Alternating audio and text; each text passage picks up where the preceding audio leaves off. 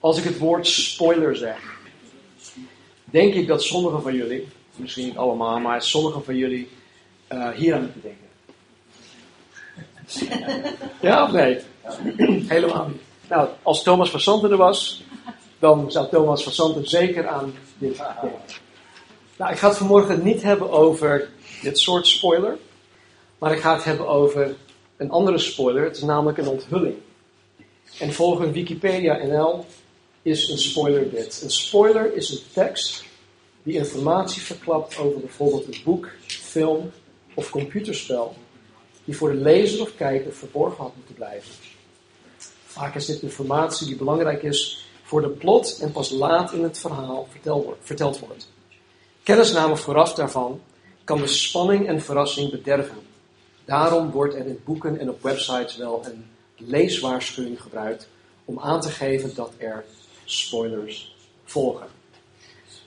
Een spoiler verklapt dus iets dat eigenlijk, um, eigenlijk verborgen had moeten blijven, om zo de, de spanning en de, de verrassing niet te gaan bederven. Het woord spoil betekent trouwens bederven. Als, als eten bederft, dan spoilt het in het Engels. Bijvoorbeeld, uh, voor niet iedereen is het mogelijk om de, de WK live te kunnen kijken. Vooral als het in een andere tijdzone wordt afgespeeld, uh, dan is het niet mogelijk voor, voor alle mensen wegens werk enzovoort, enzovoort. Dus men neemt de wedstrijden op om deze dan op een meer gunstig tijdstip te gaan bekijken. Nou, als de wedstrijd eenmaal gespeeld is, is de uitkomst reeds bekend. Maar voor degene die dat niet live gaat bekijken, is het natuurlijk heel saai als je van tevoren al weet wie, wie gewonnen heeft. Dat is dus een spoiler. Dus het verklappen van de eindscore wordt dan ook zo'n spoiler genoemd. En zo zit de wereld in elkaar. Ik heb een uh, collega's, of collega's gehad die waren destijds heel erg bezig met een aantal televisieseries. En dan hoorde ik hun in gesprek met mensen. En die zeiden van, oh nee, ik heb het nog niet gezien. Laat, verklap het niet, ik heb, het nog niet, ik heb het nog niet gezien. Weet je, vroeger zag iedereen hetzelfde programma op hetzelfde tijdstip. Voor, zelfs voor videobandrecorders.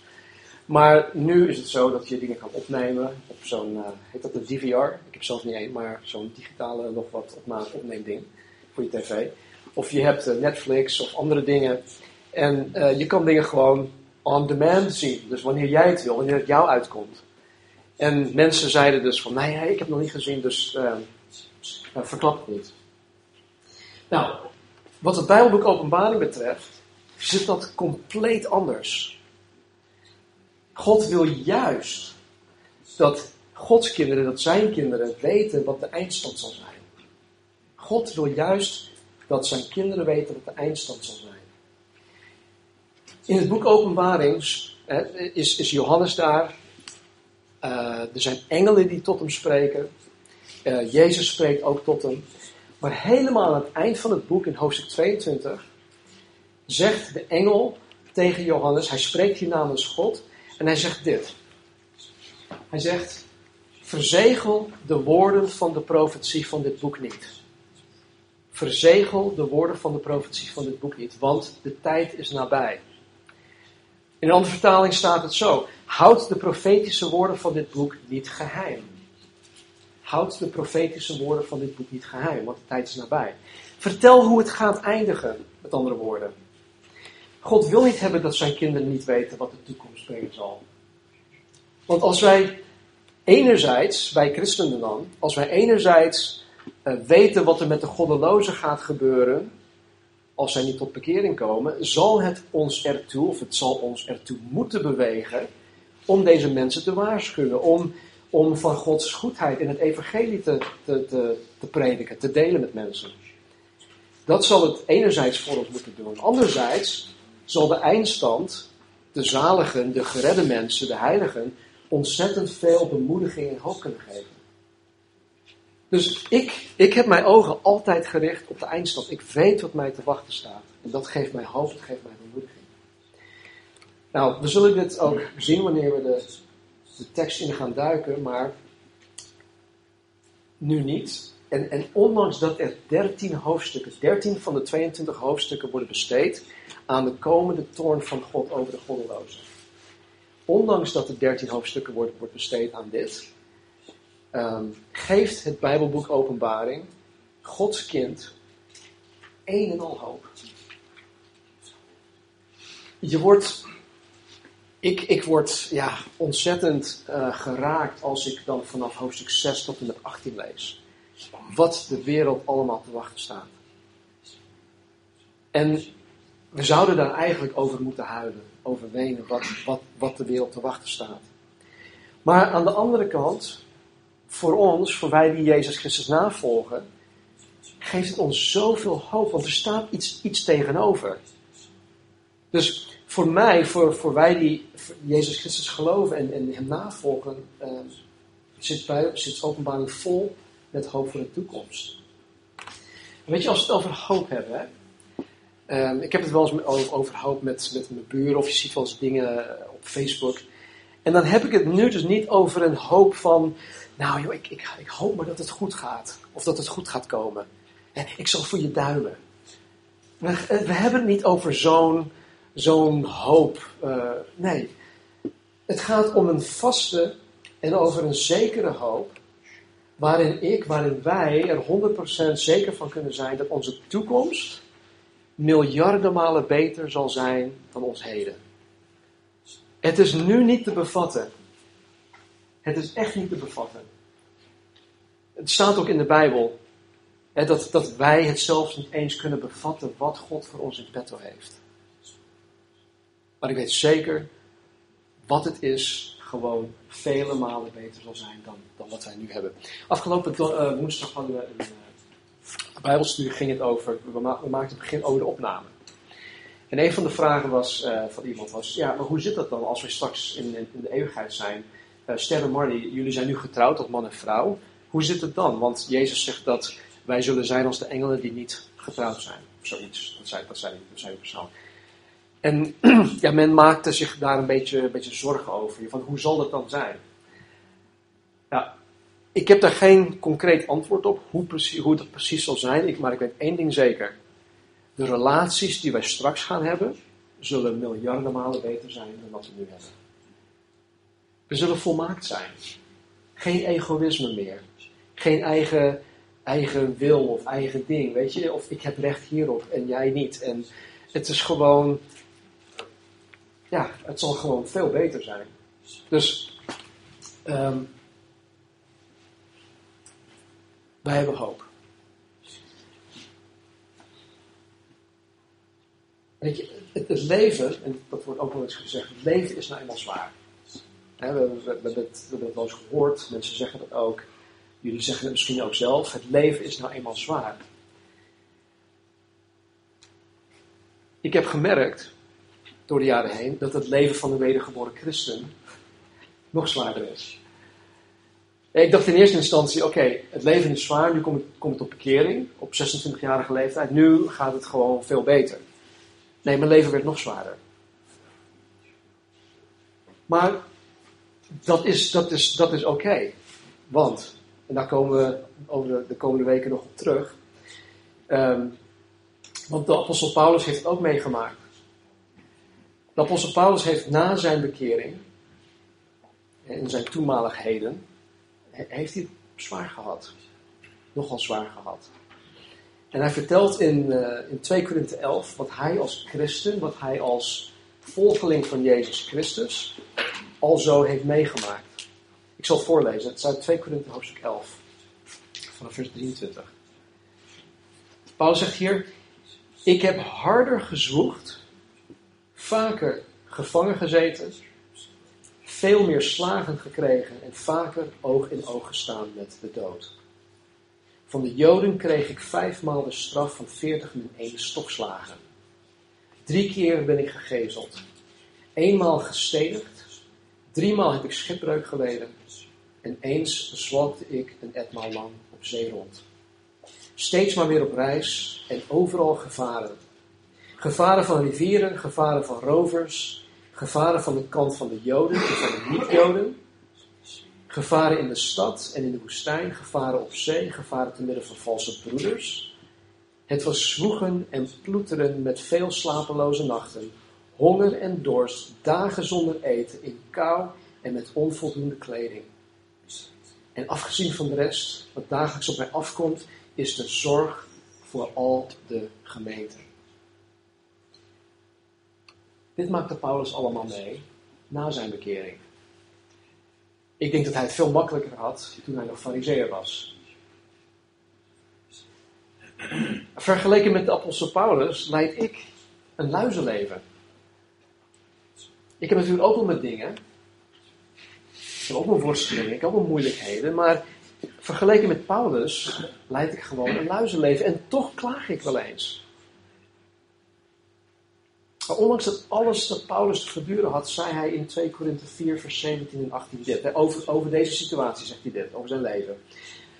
De kleine moeilijkheden van dit huidige leven, de kleine moeilijkheden van dit huidige leven, leiden voor ons tot een heerlijkheid die alles te boven gaat en eeuwig is.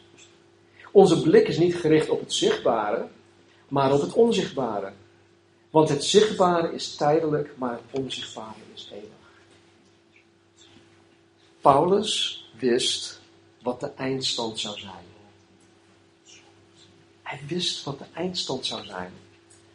Paulus had de vaste en de zekere hoop op de toekomst die God voor hem in petto had of heeft. Paulus had de vaste en zekere hoop op de toekomst die God voor mij, voor ons in petto heeft. En ik geloof dat het daarom is dat het van zo'n groot belang is dat wij weten wat die eindstand zal zijn. Want het zal ons hoop geven. Het zal ons rust geven. Het zal ons zalig maken. Het zal ons dolgelukkig maken. Zalig betekent gewoon dolgelukkig. Het toppunt van gelukkig zijn. Dus met openbaring is er totaal geen sprake van een spoiler. God wil dat wij het weten. Verzegel de woorden van de profetie van dit boek niet, want de tijd is nabij. Nu weet ik uit eigen ervaring, ik heb er de afgelopen tijd mee bezig uh, geweest, ben er bezig geweest. Dus ik weet uit eigen ervaring en ik weet ook wat, wat, wat ik andere mensen hoor zeggen, dat openbaring nogal moeilijk te begrijpen is. Een aantal van onze, onze mensen in de kerk die hebben het al meerdere malen doorgelezen. En die zeggen nog steeds van ja, oké, het is mooi, maar ik, ik begrijp het niet helemaal. Het is vooral lastig, denk ik, omdat er zoveel verschillende benaderingen zijn. Hoe je, hoe je openbaring moet gaan benaderen. Er zijn zoveel verschillende interpretaties van de openbaring. Mensen vragen zich dus terecht af wat de juiste interpretatie is. Mensen vragen zich af uh, welke Bijbelleraar zou ik eigenlijk moeten geloven? Welke stroom moet ik volgen? In welke stroom moet ik meegaan? En ja, zelfs uh, velen beginnen er niet eens aan om openbaring überhaupt te lezen. Omdat ze van mening zijn dat het een, een gesloten boek is, het is verborgen. En ze beginnen er niet aan omdat het voor te veel interpretaties vatbaar is. Of dat het voor, voor hun op dit moment, anno 2016, niet relevant is. En dat we er uiteindelijk ja, niets mee kunnen. Maar weet je, deze houding hebben mensen eigenlijk niet alleen met betrekking tot openbaring. Veel kerkgangers vinden dat de gehele Bijbel, dus Genesis tot en met Openbaring, voor meerdere interpretaties vatbaar is. dat zie je ook in, in, in, in, in het christendom. En je ziet ook zoveel verschillende stromingen binnen het christendom. Ook veel, veel valse stromingen. Dus sommige mensen zijn zo uh, ongelovig geworden dat ze zeggen ja, de Bijbel, dat is, dat is gewoon een boek door mensen geschreven en het is niet echt betrouwbaar. Maar dat is een leugen.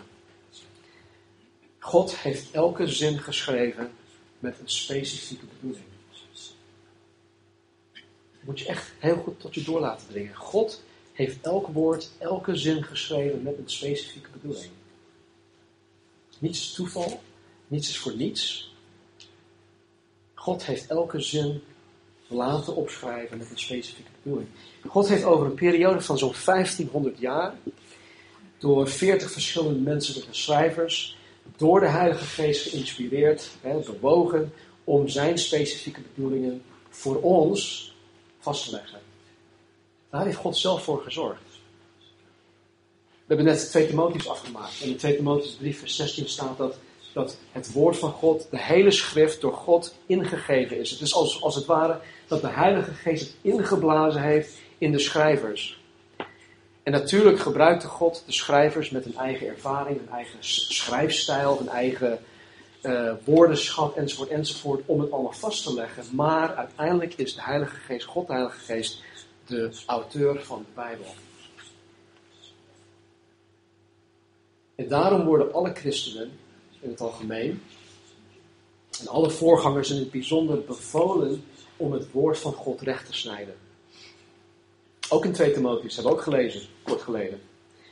Paulus zegt tegen Timotheus, beijver u om uzelf wel beproefd voor God te stellen, als een arbeider die zich niet hoeft te schamen en die het woord van de waarheid recht snijdt. Kijk, het rechtsnijden van het woord van, het woord van God, sorry.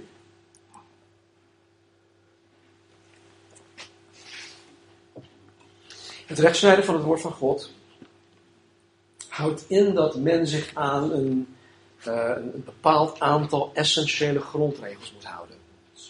Er zijn gewoon grondregels voor hoe je de Bijbel moet benaderen. Hoe je de Bijbel leest, hoe je de Bijbel interpreteert. interpreteert. En, en je moet je aan de regels houden om Gods specifieke bedoeling uit het woord te kunnen halen. En je, moet, je moet gaan spitten, je moet gaan graven. Met de hulp van de Heilige Geest natuurlijk. En nu is niet het juiste moment om jullie les te geven in de hermeneutiek. Hermeneutiek is een, uh, een theologisch woord voor deze regels. Maar wat ik wel wil zeggen is dat wanneer men zich niet aan deze regels van interpretatie houdt, men tot verkeerde conclusies kan komen.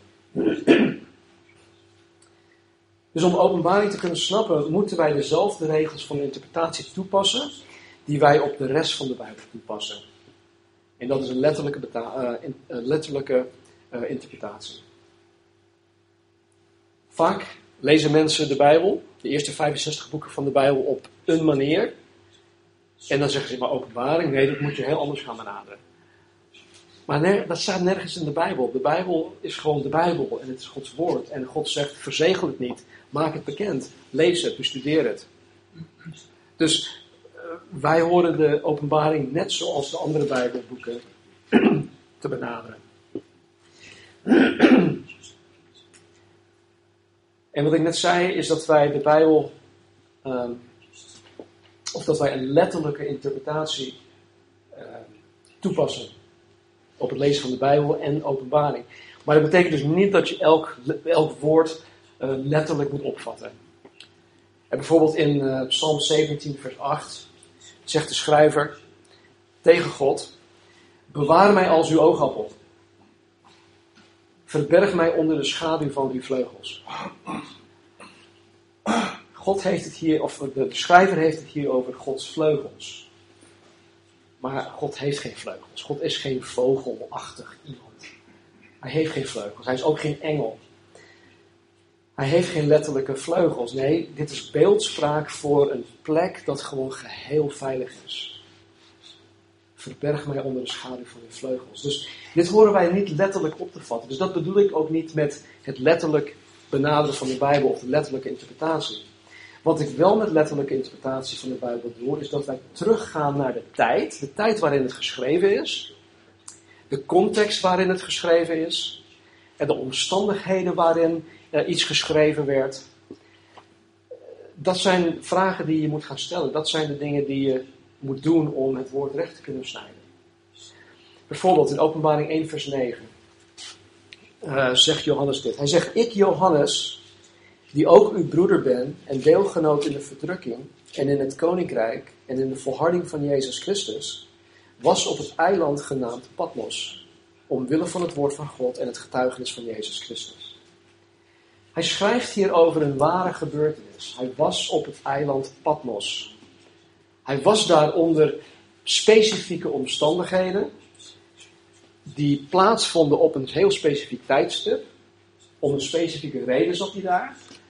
Weet je, en het is dus belangrijk dat wij al die feiten eruit halen om het goed te kunnen begrijpen. Dus om dit stuk recht te kunnen snijden, moeten we op zoek gaan naar, naar de feiten. Eh, wie spreekt hier?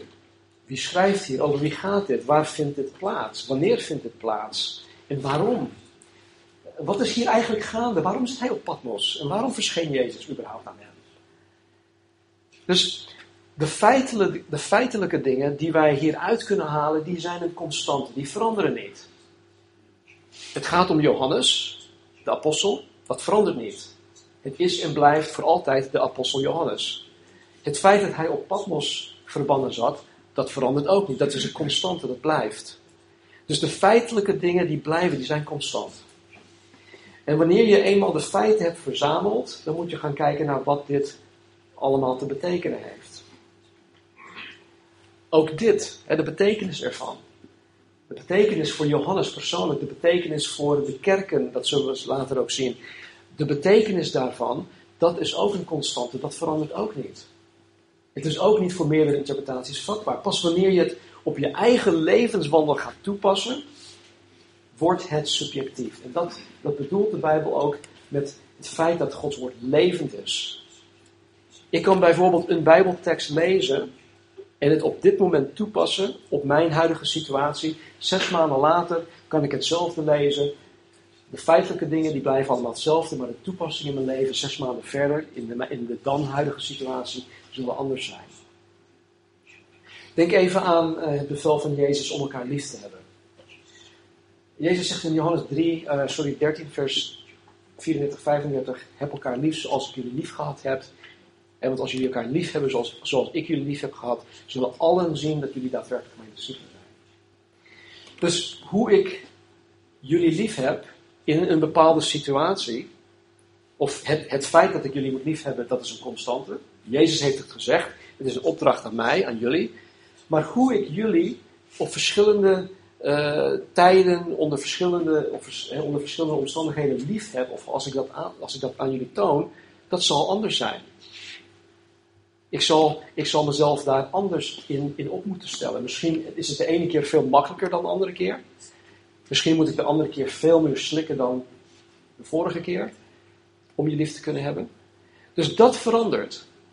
De feitelijke dingen, hoe je die feitelijke dingen interpreteert, dat is een constante, dat blijft hetzelfde. Maar hoe je het toepast in je leven, dat, dat varieert van moment tot moment. Dus ja, openbaring kan moeilijk zijn om te begrijpen. Maar als je je houdt aan een aantal eenvoudige regels van interpretatie, dat heet hermeneutiek, dan zal de Heilige Geest je bijstaan. De Heilige Geest zal je persoonlijk bijstaan om je ogen, je oren, je hart en je verstand te openen, zodat je in staat zal zijn om het te kunnen begrijpen.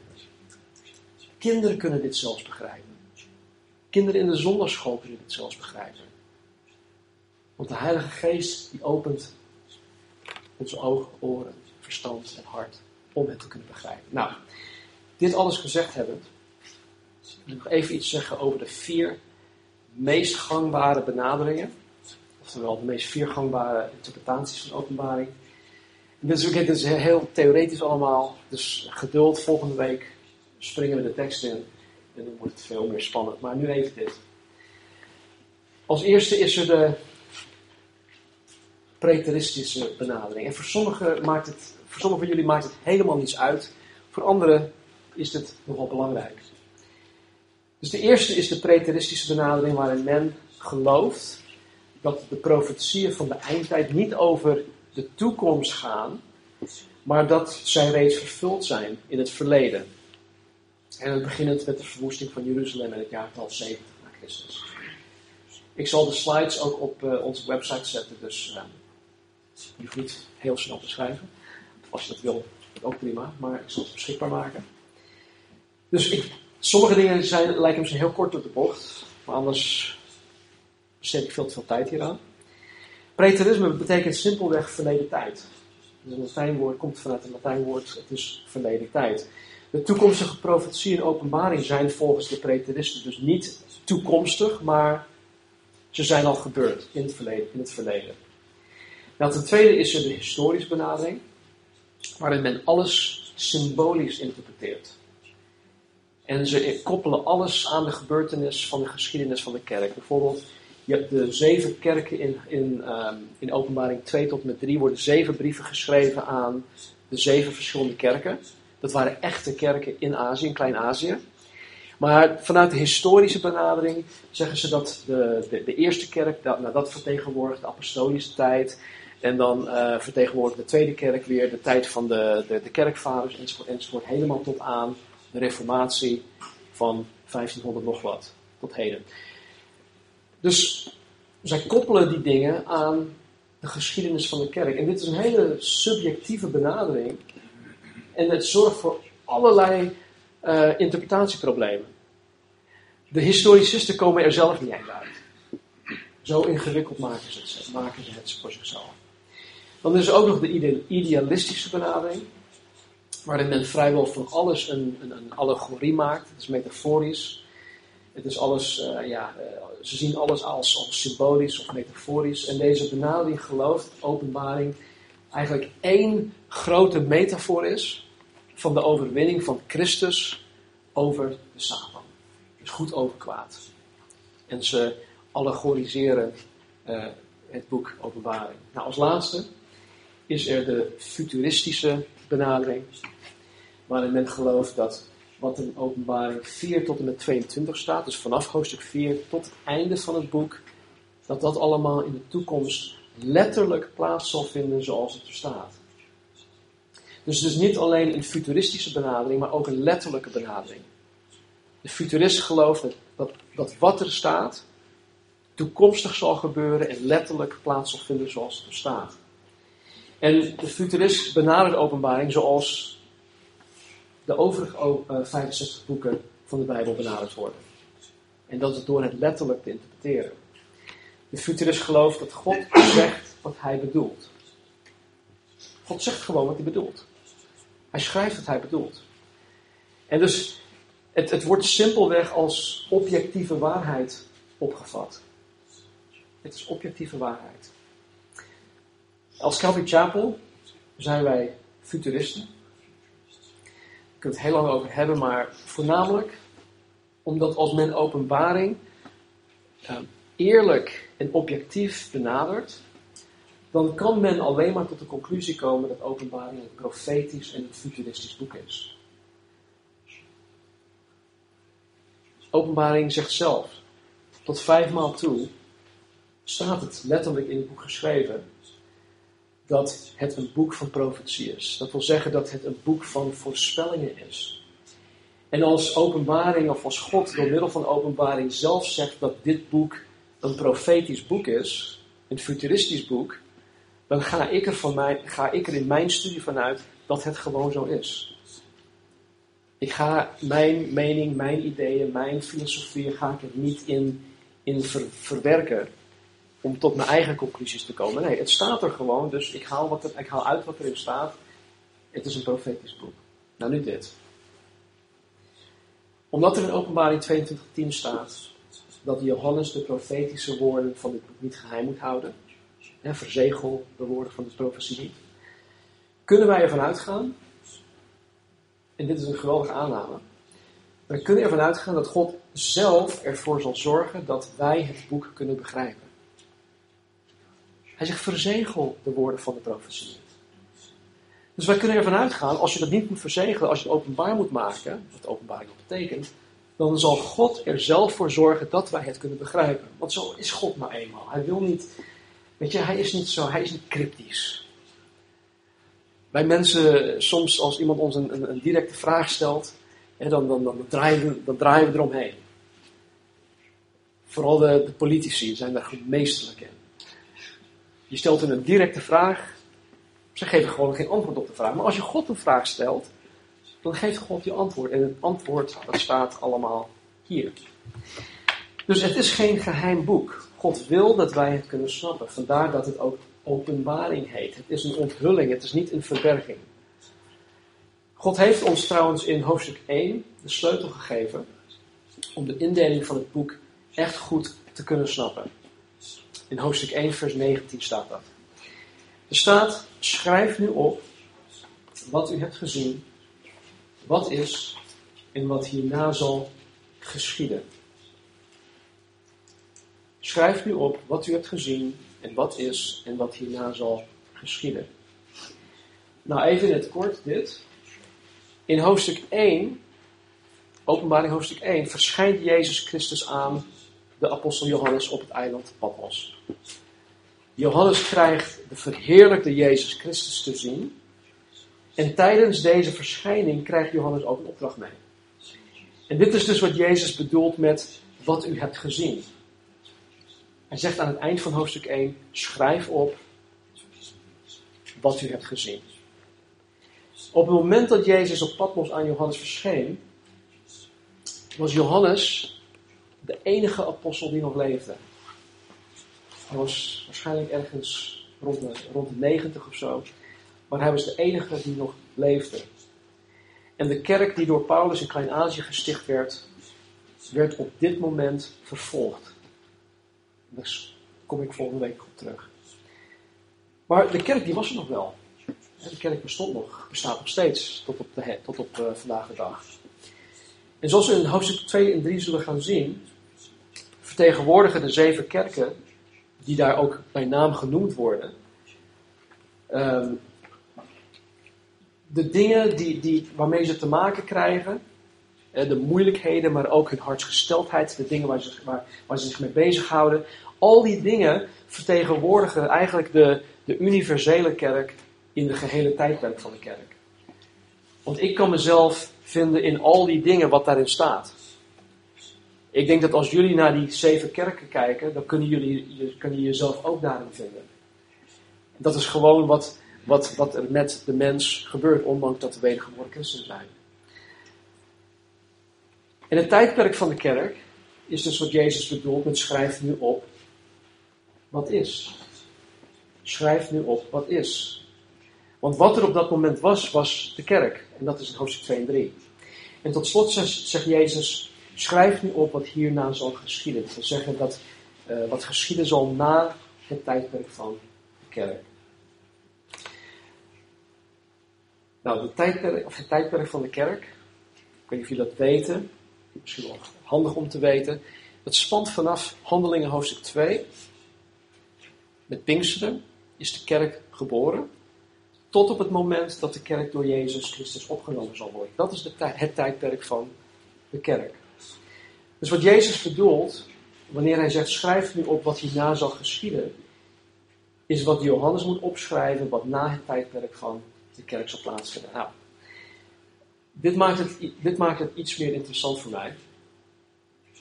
In de oorspronkelijke tekst eindigt vers 19, dit vers, wat hierna zal geschieden. In het Grieks eindigt dit met de woorden metatauta. En metatauta betekent letterlijk na deze dingen. Nou, dat heb ik net al uitgelegd, is na deze dingen. Maar het hierna, oftewel het na deze dingen, dat doelt, zoals ik al zei, op het tijdperk van de kerk. En wat heel bijzonder is, is dat hoofdstuk 4, na hoofdstuk 2 en 3, hè, waar het over de kerken gaat, hoofdstuk 4 begint met exact dezelfde woorden. Metatauta. Na deze dingen.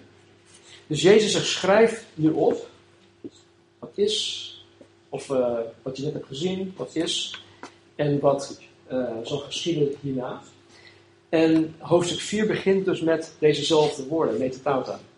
En wat Johannes in hoofdstuk 4 en 5 omschrijft, is dan een hemelse scène waarin de kerk aanwezig is. Nou, weet ik dat de kerk aanwezig is? Nou, dan moet je even wachten. Maar de kerk zal dus voor de 70ste week van Daniel, oftewel voor de grote verdrukking, opgenomen worden.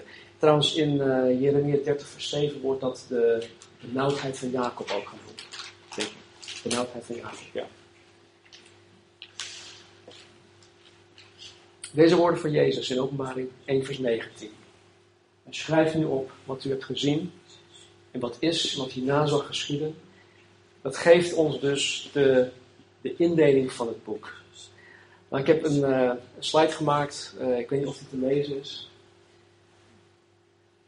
Uh, de volgende hierna. Um,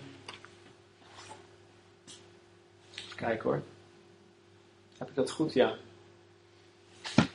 Hoofdstuk 1 tot en met 3.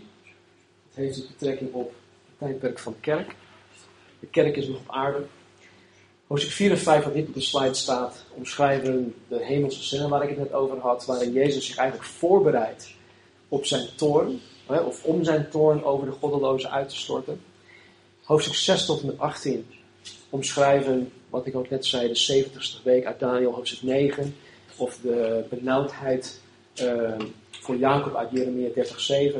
Kortom, de periode van zeven jaar, wat de Bijbel de verdrukking noemt, oftewel ook de grote verdrukking noemt. Hoofdstuk 17, of sorry, 19, wat ook niet op de slide staat, omschrijft de bruiloft van het lam. En de wederkomst van Jezus Christus, wanneer hij dus echt terugkomt op aarde.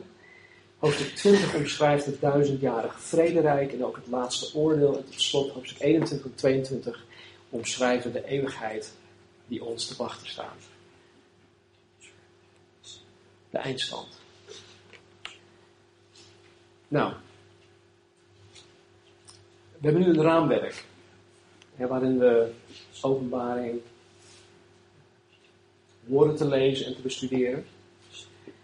En ik geloof dat als we dit raamwerk hebben, het, althans voor mij, eh, dat dit, het effect op mij was dat ik nu veel meer zekerheid heb over hoe ik dit moet benaderen, over hoe ik het kan lezen. En zodra we de tekst in gaan duiken, zullen we ook zien dat het gewoon goed te doen is. Ik denk dat als je het leest en niet precies weet waar wat is en, en wat de definities van een aantal dingen zijn, bijvoorbeeld de zeven gouden kandelaren, de 24 ouderlingen, uh, de zeven zegels, de zeven dit, nou, heel veel zevens. Wat is dat nou allemaal en wat betekenen deze dingen allemaal? Maar ik beloof jullie, we zullen, wanneer we door de tekst heen gaan, zal ik alles gewoon heel goed definiëren. En we zullen altijd weer terugkomen op een tijdlijn, zodat we precies weten waar we zitten. En ik zal ook mijn best doen om, uh, ja, om ook door middel van dit uh, jullie te helpen. Laten we tot slot nog even kijken naar de eerste drie versen. Is openbaring hoofdstuk 1 vers 1 tot met 3. Er staat openbaring van Jezus Christus, die God hem gegeven heeft om zijn dienstknechten te laten zien wat spoedig moet geschieden. En die hij door zijn engel gezonden en aan zijn dienstknecht Johannes te kennen heeft gegeven. Deze heeft van het woord van God getuigd is Johannes, en van het getuigenis van Jezus Christus, alles wat hij gezien heeft. Zalig is hij die leest, en zijn zij die horen de woorden van de profetie, en die in acht nemen wat daarin geschreven staat, want de tijd is nabij. Openbaring begint met de belofte van God dat degene die het leest, Dit was aan Johannes gegeven en het hoorde dan, het ging dus mee naar de zeven kerken, dat zullen we straks ook zien. Maar dit, dit hoorde dus voorgelezen te worden aan de kerken. Dus hij zegt hier, zalig is hij die leest, dus die het voorleest, en zijn zij die horen de woorden van de profetie en die in acht nemen wat daarin geschreven staat. Dus het, het, begint gewoon met een belofte van God dat degene die het leest of voorleest, die er naar luistert en die de woorden van de profetie acht neemt, die mensen zullen zalig zijn. Zalig is geen ja, gebruikelijk woord meer. Hè? Je, je, komt het nergens meer tegen eigenlijk, behalve misschien hier. Je komt niet op je werk, waar je ook werkt, dat je het over de zaligheid hebt. Of ja, ik ben echt zalig vandaag. Misschien over eten. Oh, dat was, ah, zalig was dat. Nee, maar zalig het woord zalig dat hier dus staat, is precies hetzelfde woord dat in de zaligsprekingen in Matthäus door Jezus gebruikt wordt. We hebben volgens mij elf zondagen besteed aan de zaligsprekingen. Als je daar iets van wil weten, als je zalig wil zijn, ga dan nog luisteren naar die eh, elf preken van, uh, van Matthäus hoofdstuk 5. Maar het woord zalig dat hier staat is dus precies hetzelfde woord zalig dat Jezus uh, gebruikte in de zaligsprekingen. En het betekent gewoon in de volksmond, en dit is een woord dat jullie wel misschien uh, meer gebruiken, het betekent gewoon dolgelukkig. Dolgelukkig. En iemand die dolgelukkig is, die heeft echt, per definitie, heeft echt het toppunt van geluk bereikt. Dat zegt Van. Dolgelukkig betekent het toppunt van geluk. Dus voor mij is dit echt een no-brainer. Dit is zo eenvoudig. Dit is zo makkelijk. Als je dolgelukkig wil zijn, als je het toppunt van geluk wil bereiken, dan zegt Openbaring 1.3 dit. Dolgelukkig is hij die leest. Dolgelukkig zijn zij die horen de woorden van de profetie. En dolgelukkig zijn zij die in acht nemen wat daarin geschreven staat. Sign me up. Ik wil dolgelukkig zijn. Jullie ook? Amen. Hartstikke. Hemelse Vader, dank u wel dat u zo ver bent gegaan om hier deze profetie, de profetie van de woorden van dit boek, voor ons vast te leggen. Dank u voor uw trouw dat u het hebt bewaard. Dank u, Jezus, dat u aan Johannes is verschenen. Als de laatste levende apostel. Ik kan me voorstellen, Heer, dat hij daar verbannen zat, dat hij zich afvroeg waarom hij als enige nog leefde. Wat voor zin het allemaal nog had. Terwijl hij in de kerk vervolgd werd. Maar Heer, u verscheen. U bracht hem met u mee. De eeuwigheid in. Om een, blikje, om een blik in de toekomst te mogen zien, te kijken. Om de eindstand te zien. En ik dank u, God, dat u Johannes heeft opgedragen om dit voor ons vast te leggen. O Heer, ik bid voor ieder van ons dat wij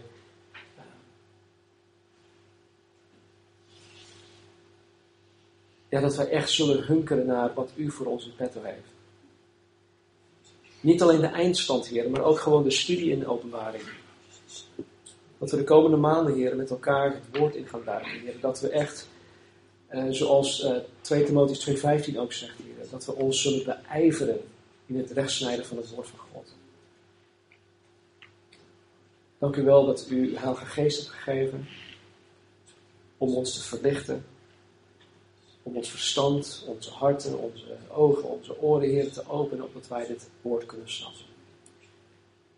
Dus Heere God, doe uw werk in en door uw woord heen.